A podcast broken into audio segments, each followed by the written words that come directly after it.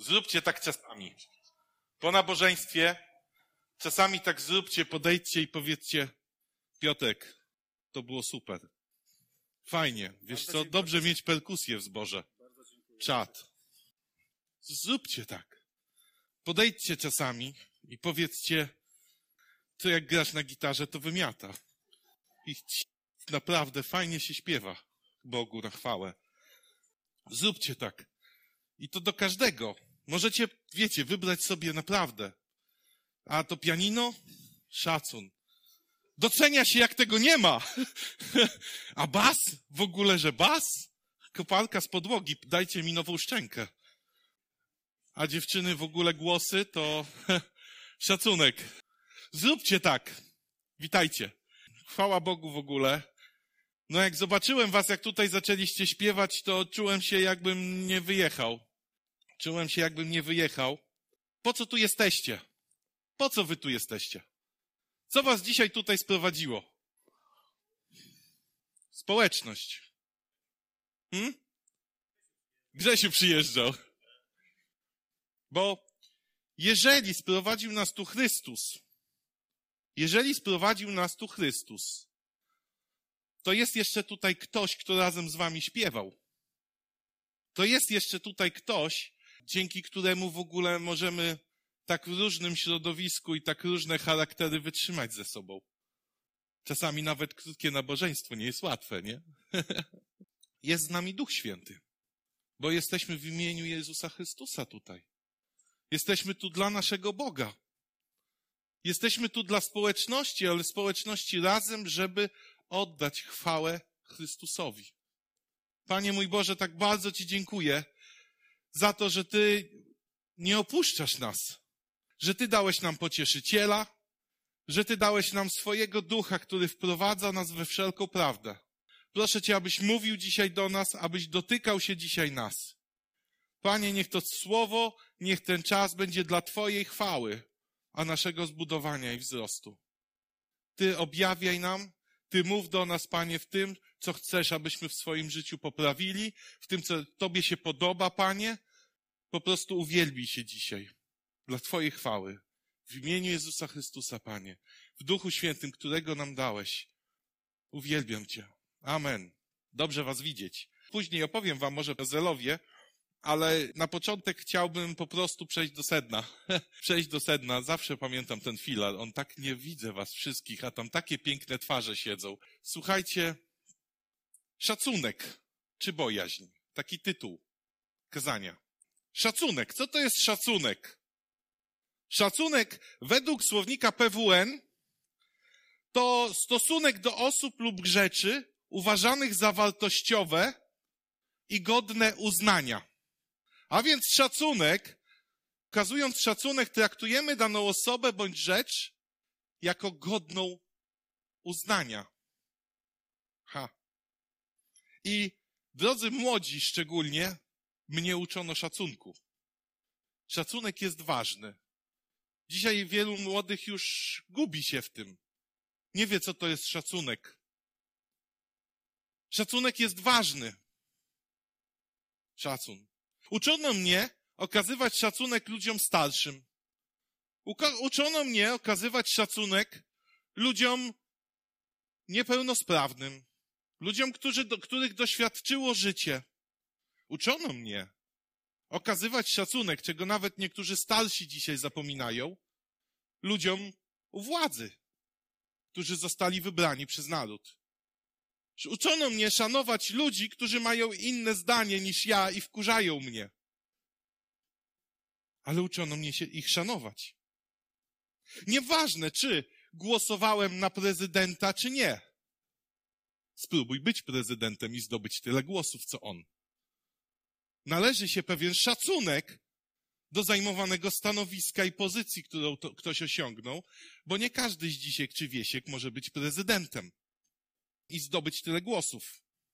Szacunek nadaje pewną godność, nadaje pewną wartość osobie, której ją okazuje. Pokazuje, że ta osoba ma pewną wartość w moich oczach. Pokazuje też, że zdaję sobie sprawę z tego jako chrześcijanin, że to Bóg stworzył tą osobę. I mam nie deptać jej wartości, bo jej wartość jest pod taka sama jak moja. Taka sama jak moja. Miłuj bliźniego swego jak siebie samego. Jest tu jednak pewien haczyk. Otóż mogę szanować Piotra, ale mogę się z nim nie zgadzać. Mogę szanować Piotra, odnosić się do niego miło, kulturalnie, być grzecznym w jego obecności, szanować jego zdanie, ale kompletnie się nim nie przejmować i mieć je gdzieś, kiedy zostaję sam. Mogę wysłuchać go i powiedzieć: Szanuję Twoje zdanie, mam swoje. Mam swoją wizję. Dlatego, kiedy przychodzimy my jako chrześcijanie do Boga, to szacunek nie jest czymś, co jest wystarczające. Szacunek nie jest czymś w ogóle godnym Boga. Szacunek nie jest czymś, czym wystarczy obdarzyć Boga. Otóż jest jeszcze bojaźń Boża. Bojaźń. Uczucie bojaźni. I chciałbym, żebyśmy dzisiaj przyjrzeli się, słuchajcie, fragmentowi z drugiego listu Pawła, bo w ogóle będziemy dzisiaj długo, dużo czytać. Także szykujcie Słowo Boże swoje. Drugi list Pawła do Koryntian, rozdział szósty, od czternastego wersetu do pierwszego wersetu siódmego rozdziału. A więc Koryntian drugi, list, szósty rozdział od czternastego wersetu. Przeczytam z przekładu dosłownego ten fragment. Przestańcie się wprzęgać w nierówne jarzmo z niewierzącymi. Bo co ma wspólnego sprawiedliwość z bezprawiem? Albo co za współudział światła z ciemnością? Co też za harmonia między Chrystusem a Beliarem? Lub jaki dział wierzącego z niewierzącym? Jaka zgoda między przybytkiem Boga a bóstwami? My bowiem jesteśmy przybytkiem Boga żywego. Jak powiedział Bóg, zamieszkam z nimi i będę się przechadzał i będę ich Bogiem. A oni będą moim ludem. Dlatego wyjdźcie spośród nich i bądźcie odłączeni, mówi Pan. I nieczystego nie dotykajcie, a ja was przyjmę i będę wam ojcem, a wy będziecie mi synami i córkami, mówi Pan Wszechmocny. Mając zatem takie obietnice, ukochani, oczyśćmy się od wszelkiego splamienia ciała i ducha w bojaźni Boga, doskonaląc poświęcenie. To ciekawy fragment. Wiecie, jakby wpleciony w rozdział szósty i siódmy. Niepasujący do kontekstu. Niepasujący trochę do kontekstu tych dwóch rozdziałów. Ten szósty i siódmy to rozdziały, które tak wyrażają taką zachętę, radość, miłość. Natomiast tu apostoł Paweł wtrąca przestrogę. A potem od drugiego wersetu siódmego rozdziału znowu kontynuuje swoją wcześniejszą myśl. Niektórzy podają wątpliwość w ogóle prawdziwość tego fragmentu. Uważają, niektórzy uważają, że to jest część zaginionego pierwszego listu, którego nie mamy do Koryntian. Uważają to na podstawie fragmentu z 1 Koryntian 5:9, gdzie Paweł tłumaczy Koryntianom: Napisałem wam w poprzednim liście, że macie nie przestawać z ludźmi nierządnymi. I tłumaczy, dlaczego tak napisał, co miał na myśli. Więc niektórzy mówią, że gdzieś ktoś kiedyś skryba znalazł ten fragment i wstawił go tu, bo tu mu pasowało. Ale może też być tak, że czytamy w siódmym rozdziale o tym, jak Tytus wrócił z Koryntu. I być może jest tak, że Paweł pisząc swój, wiedząc, że Tytus niedługo wróci, pisał swój drugi list do Koryntian i stwierdził, że te wieści, które są od Tytusa, tak go zbulwersowały albo miał jakąś myśl i zaczął i włożył ją. W każdym bądź razie ten fragment jest bardzo ciekawy. Dlatego, że Paweł zaczyna od przypomnienia zasad współżycia, jakie zostawił Bóg narodowi izraelskiemu. Wiecie, Paweł teraz powołuje się bardzo mocno na zasady, jakie Bóg dał już od początku narodowi izraelskiemu i zaczyna je stosować do Kościoła. I w Księdze Powtórzonego Prawa 20.20 czytamy krótki taki werset. Nie zaprzęgaj do orki bydlęcia razem z osłem. I Paweł stosuje to. I mówi do niej, jaka jest zgoda, jaka jest zgoda pomiędzy Beliarem a Chrystusem? Jaka jest współpraca wierzącego z niewierzącym? Przestańcie się wprzęgać w nierówne jarzmo z niewierzącymi. Osioł jest dużo mniejszy niż wół. Ma inne proporcje. Potrzebuje całkiem innej uprzęży, całkiem, całkiem inne, innego zestawu. Jaki dział i wspólnota łączy, powiedzcie mi, dzieci Boże i niewierzących? Jaka zgoda między przybytkiem Boga a bóstwami? I tu także Paweł nawiązuje do historii swojego narodu. Znowu Paweł nawiązuje do czego? Do świątyni. Do świątyni. Oto mówi o przybytku Boga i mówi o bóstwach. Lud Izraela wielokrotnie bezcześcił świątynię. Lud Izraela wielokrotnie doprowadzał do tego, że Bóg był na nich zły. I jednym z takich kluczowych fragmentów, pokazujących Boga, który widzi w ukryciu, kiedy ludziom się wydaje, że ich nie widzi, jest Księga Ezechiela, ósmy rozdział. I cały ten rozdział teraz przeczytamy. Więc jeśli macie słowo, to otwórzcie na Księdze Ezechiela, żebyście mogli za mną podążać, gdybym głupoty czytał. Ezechiela, rozdział ósmy.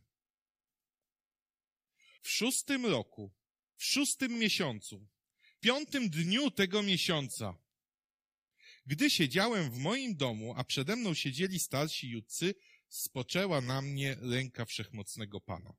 Fajnie się zaczyna. Wtedy zobaczyłem kogoś przypominającego wyglądem człowieka. W dół od tego, co wyglądało na jego biodra, płonął ogień. W górę natomiast jego wygląd miał w sobie coś z blasku wypolerowanego bursztynu. Postać ta wyciągnęła do mnie coś w kształcie ręki i uchwyciła mnie za włosy na głowie. Wówczas duch uniósł mnie między ziemię a niebo i dzięki pochodzącym od Boga widzeniom zostałem przeniesiony do Jerozolimy. Znalazłem się po jej stronie północnej, u wejścia bramy wewnętrznej. Tam właśnie stał posąg bóstwa rządzy, wzbudzający pożądanie. Tam też zobaczyłem chwałę Boga Izraela, z wyglądu podobną do tej, którą widziałem na równinie.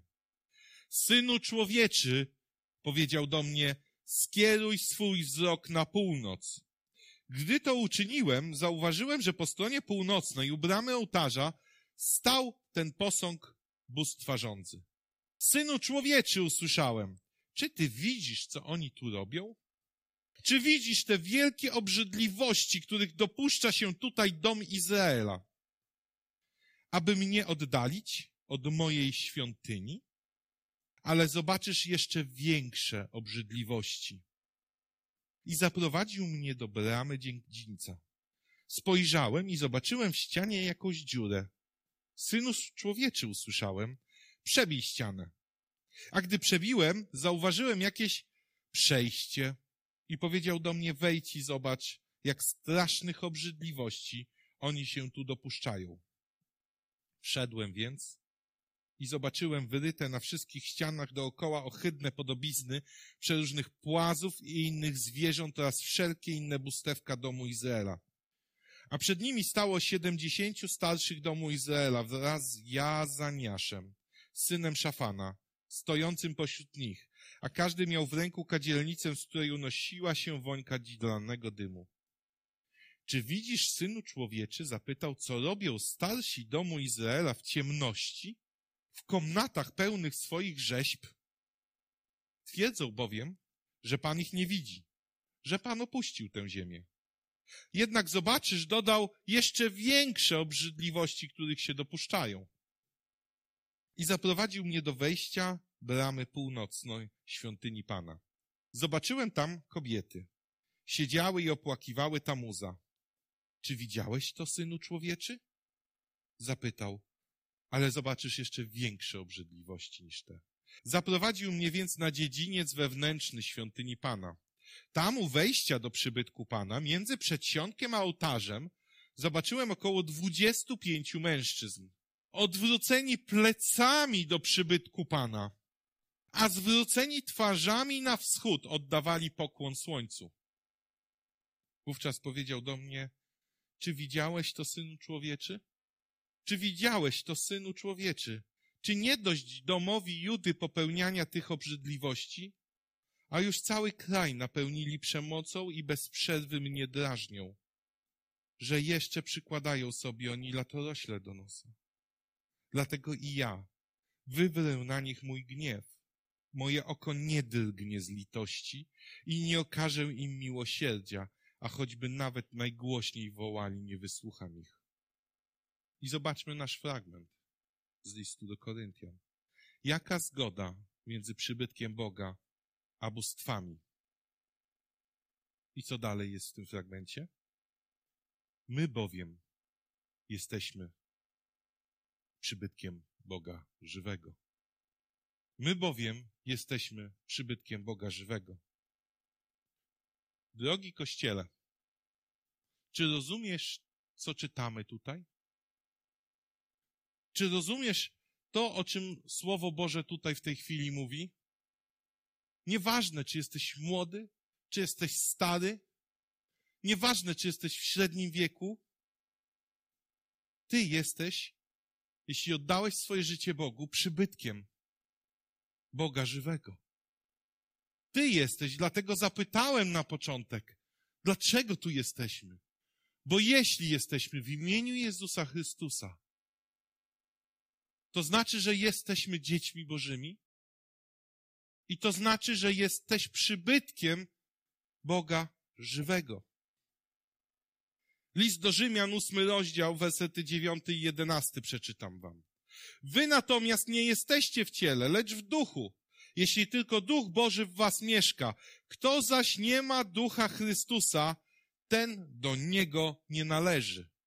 Jeśli jednak Chrystus w was jest, to chociaż ciało jest martwe z powodu grzechu, duch jest żywy dzięki sprawiedliwości.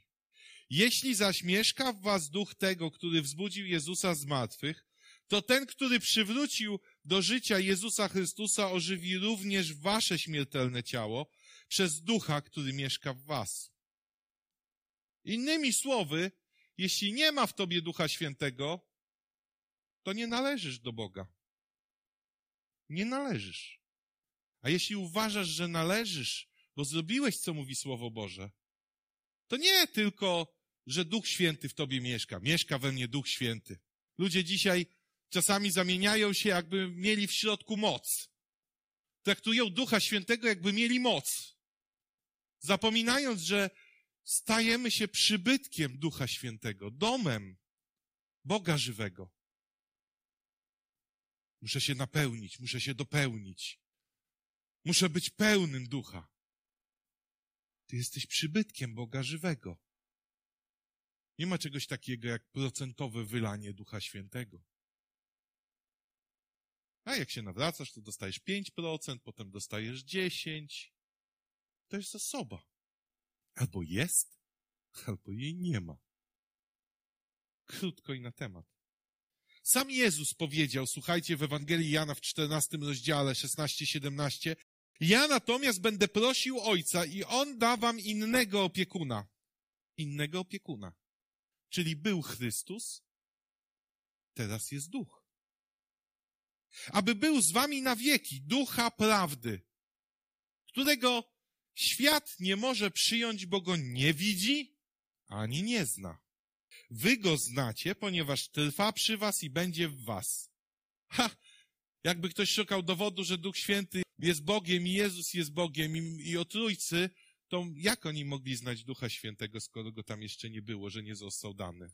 Ale Jezus mówi do, uczniach, do uczniów, wy go znacie. Wy go znacie, ponieważ trwa przy was. No jak trwa przy was? Jezus jest. Jezus jest. Ty jesteś przybytkiem Ducha Świętego. Jesteś przybytkiem Boga, jeśli siedzisz tutaj i oddałeś, oddałaś Bogu swoje życie.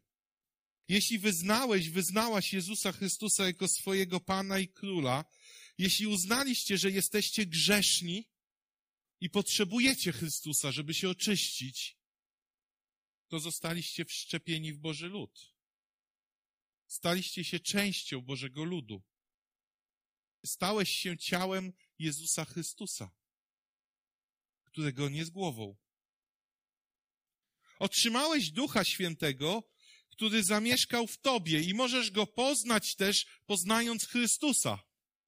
Rozumiecie? Jak rozpoznawać? Czasami myślimy i mówimy o tym, jak mam poznawać Boga? Jak mam Ducha Świętego poznawać, jak On do mnie mówi? Patrz, co mówił Chrystus. Ucz się, jaki był Chrystus. Będziesz wiedział, jak rozpoznawać też Ducha. Będzie mówił, tak jak Chrystus.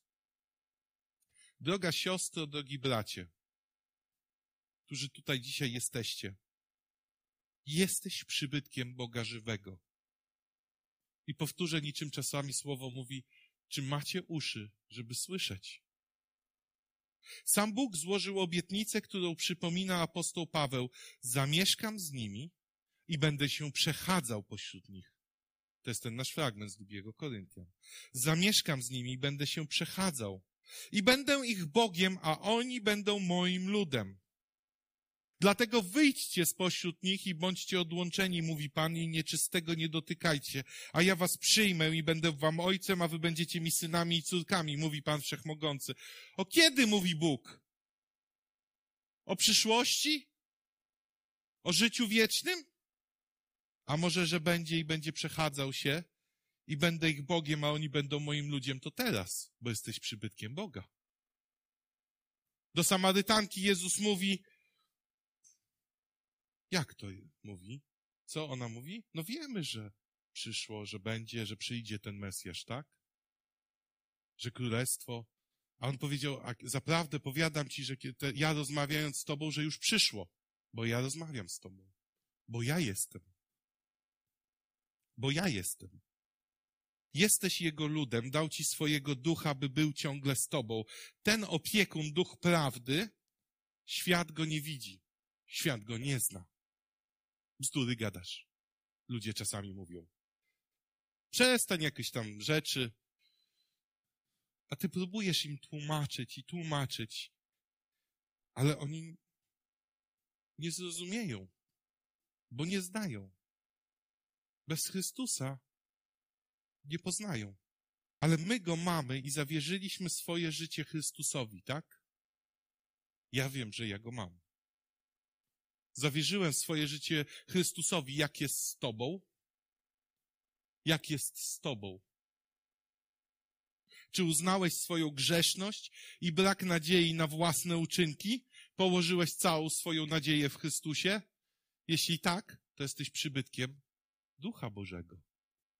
Czyż może być piękniejszego coś niż nazwanie mnie synem Boga żywego?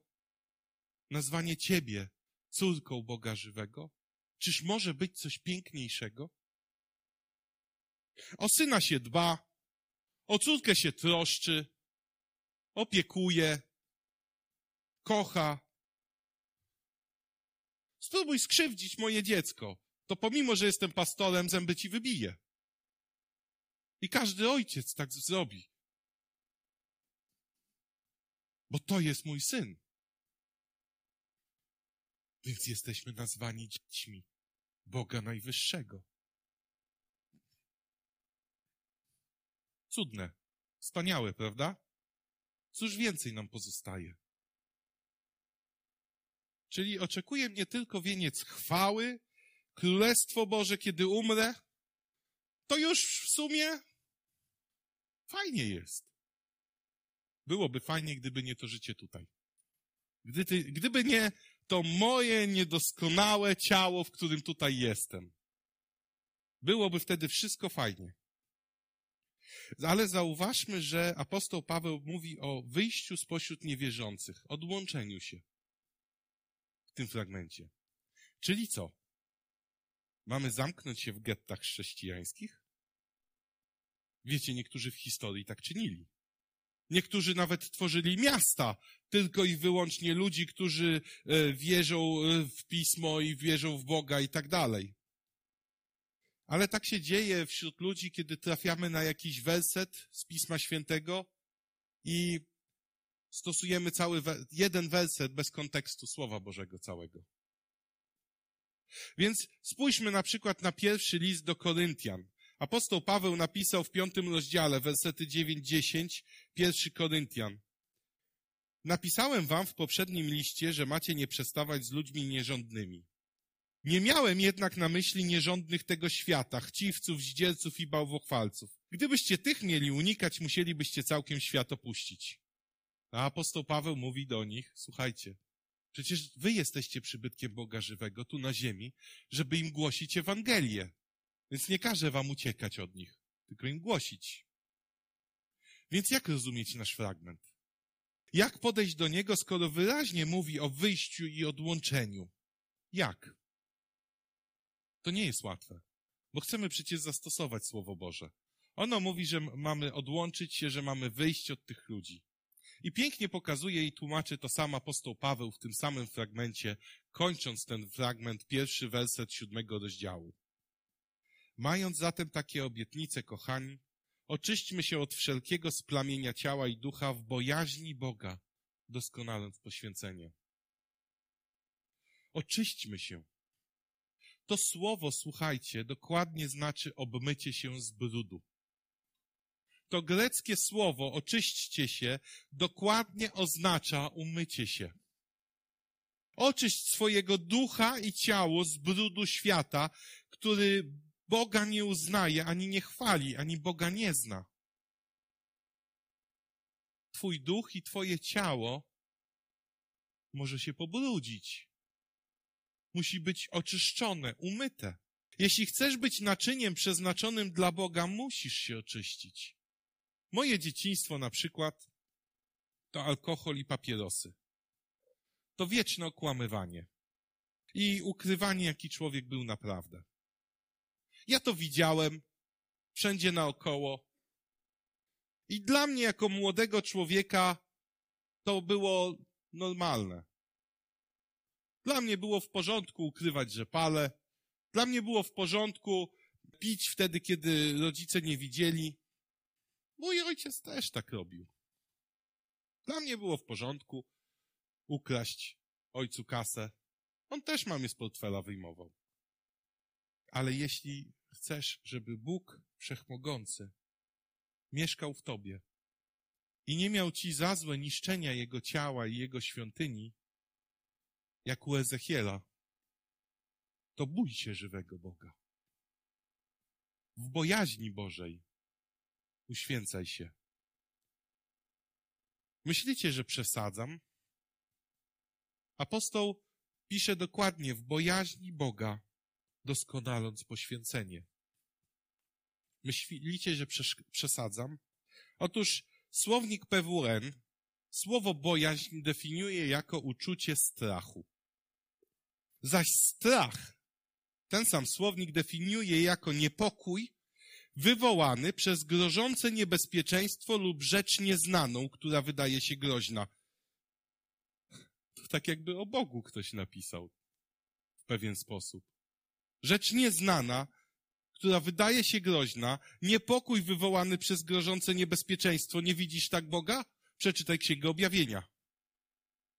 Przeczytaj Księgę Objawienia.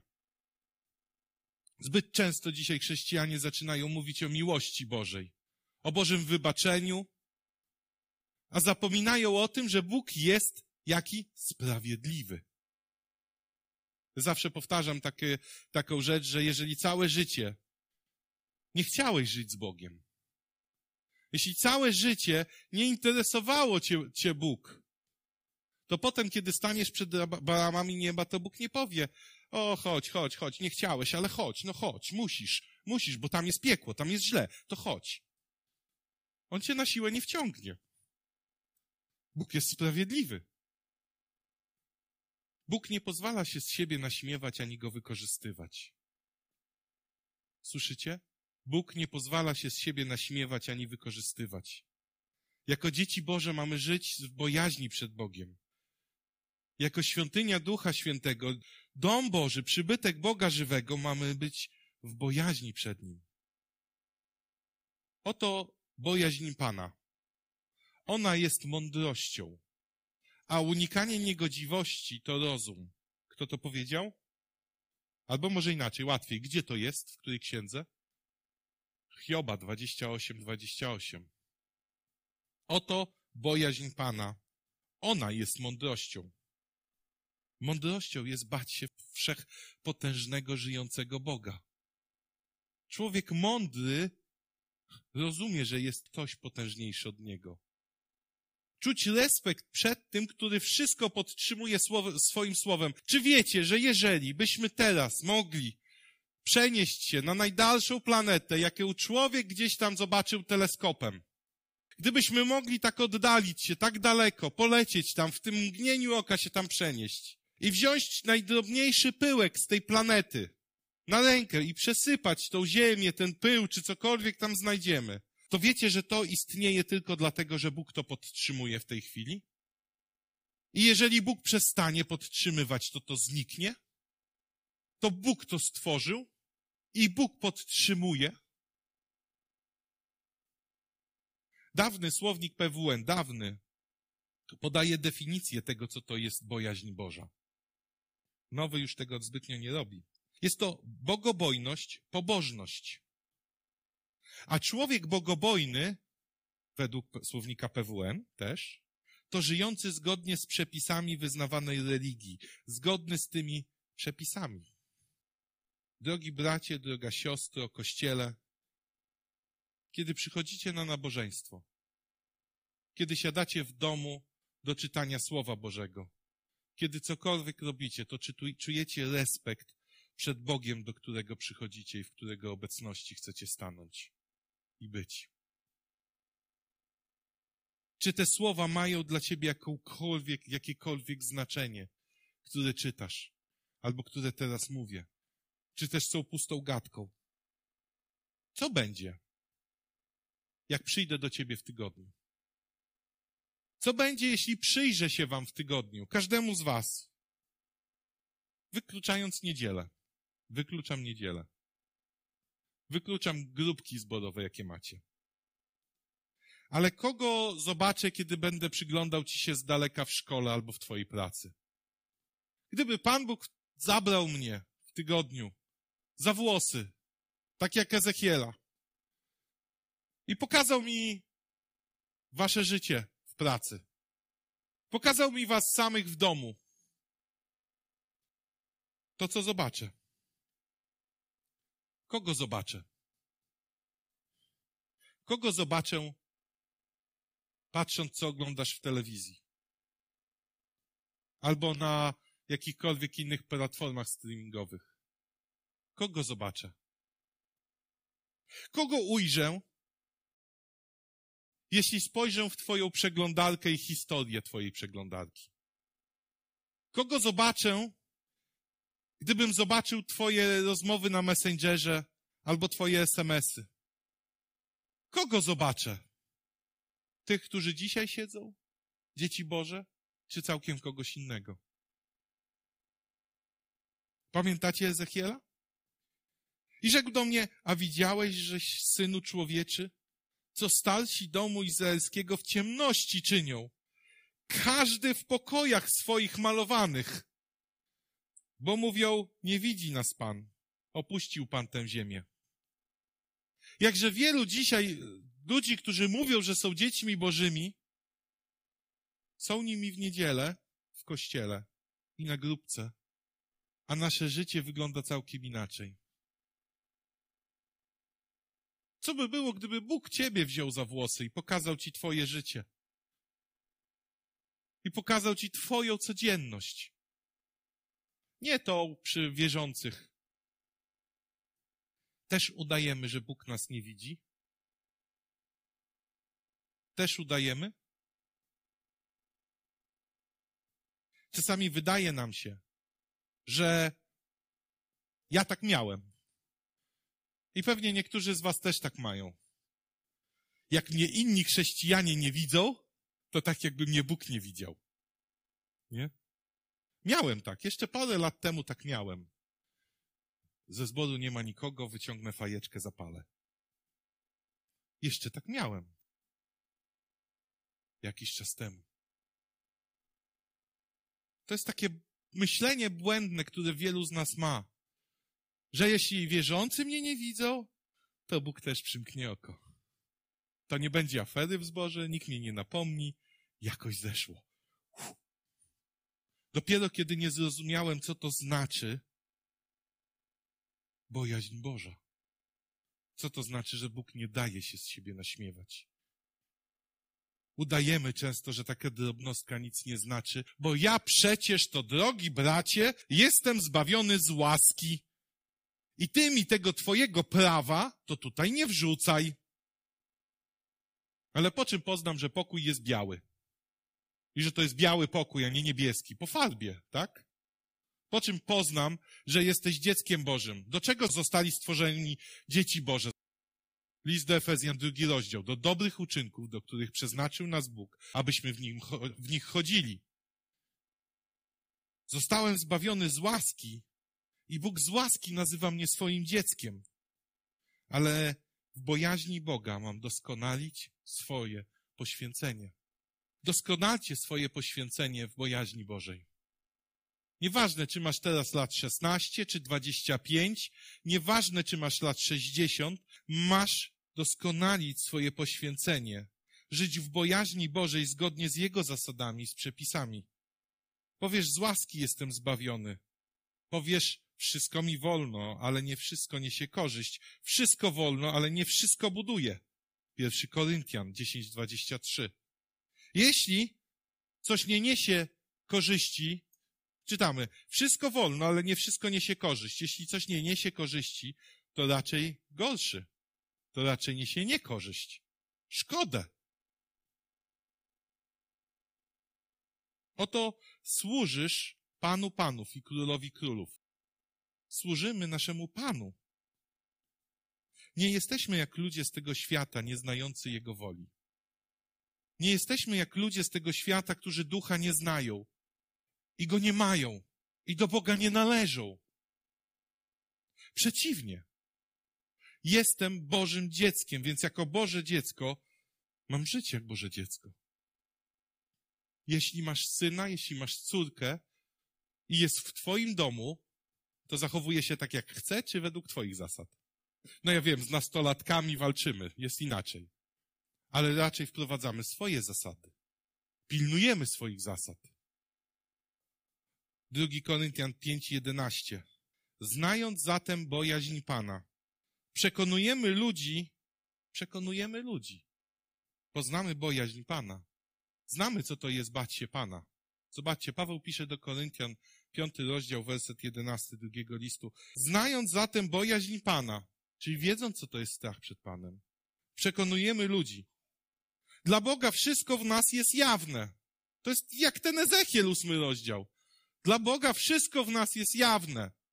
Czy nie widzisz, synu człowieczy, mówi Pan Bóg do Ezechiela, co ci ludzie czynią, myśląc, że ja ich nie widzę? Spodziewam się, że jawne jest też w waszych sumieniach, pisze Paweł do Koryntian. Spodziewam się, że to też jawne będzie w waszych sumieniach. Mamy żyć w bojaźni Boga i w niej doskonalić swoje poświęcenie. Czyli doskonalić swoje życie, swoje oddanie Bogu, czyścić swoją świątynię, swoje ciało i swojego ducha, bojąc się Boga. O tym chciałem wam dzisiaj powiedzieć. Czy boisz się Boga, odczuwasz lęk, który potrafił odrzucić swój naród wybrany? Czy odczuwasz bojaźń przed Bogiem, który samego siebie poświęcił, aby uratować się z grzechu? On samego siebie poświęcił, żeby uratować ciebie. Bóg jest sprawiedliwy i my w tej sprawiedliwości mamy żyć, słuchajcie. Zapytajmy Twoją rodzinę, Twoich niewierzących znajomych, Twoich współpracowników. Pozwól mi zadać im jedno pytanie. Jedno. Czy w życiu Krystiana, Pawła, Piotra, postaw, wstaw tu swoje imię, widać Boga? Czy widać Boga? Chciałbym zachęcić Was, żebyście wprowadzali dyscyplinę w swoje życie. Jako wierzący ludzie mamy żyć w dyscyplinie. Mamy nie kalać się światem i jego wartościami, które nie mają nic wspólnego z Bogiem. Tak wielu dzisiaj nazywa się chrześcijaninami, a nie mają pojęcia o Bogu. Nie boją się Boga. I na koniec krótki przykład, na sam koniec. Kupisz dwie szklanki. Weź dwie szklanki. Jedną masz czystą, a druga cały czas jest brudna. Cokolwiek próbujesz ją umyć od czasu do czasu, ona cały czas ma jakieś śmieci w środku. Z której szklanki będziesz pił wodę? Piła. Z czystej czy z brudnej? Z której szklanki nalejesz gościom? Do której? Do czystej czy do brudnej? Czy może kiedy przyjdą do ciebie goście i przychodzą do ciebie gości, to brudne kubki, te wytarte kubki, albo te nieumyte chowasz, żeby ich nie widzieli. Ze wstydem. Tak właśnie i Bóg obdarował nas łaską. To wszystko, co dzisiaj mówię, to mówię dlatego, że Bóg obdarował ciebie łaską. Bóg wszczepił w ciebie swojego ducha dał ci i wszczepił cię w swój naród wybrany. Z dwojga narodów, czyli swojego i pogan, jak mówi apostoł Paweł w liście do Efezjan, uczynił jedno. Dwoje połączył w jedno. I w księdze Izajasza, 43 rozdział, werset czwarty, jest taki piękny werset, który uwielbiam. Ponieważ jesteś w moich oczach drogi, cenny i ja Ciebie kocham. Ponieważ jesteś w moich oczach drogi, cenny i ja Ciebie kocham. To wszystko Bóg robi. To wszystko zrobił, bo jesteś cenny w Bożych oczach. I Bóg Cię kocha. I Ty jesteś cenny w Bożych oczach i Ciebie Bóg kocha. I zostawił i przyszedł Chrystus po to, żeby Cię zbawić, bo co? Po co? Bo jesteś drogi i cenny dla Boga. Bo Bóg Cię kocha. I Ciebie Bóg kocha. I Was Bóg kocha. Jesteś drogi i cenna jesteś w Bożych oczach. Szanujmy się. Bójmy się tego, który nawet własnego syna nie szczędził. Dlaczego? Dlatego, że jesteś drogi i cenny, et i Leslie. Jesteście drodzy i cenni w oczach Boga. I ty, pastorze, i wy razem, jako małżeństwo, jesteście drodzy i cenni w oczach Boga. I nawet ta najmniejsza tam, kruszyna, jest droga i cenna nie tylko w oczach rodziców ziemskich, ale i w oczach Ojca Niebieskiego. Ponieważ jesteś w moich oczach drogi, cenny i ja Ciebie kocham. Co prawda, ktoś by powiedział, Pan Bóg mówi to do narodu izraelskiego, ale to Ty jesteś wybranym Bożym dzisiaj, wybraną Bożą. Jesteś drogi i cenny, ja Ciebie kocham.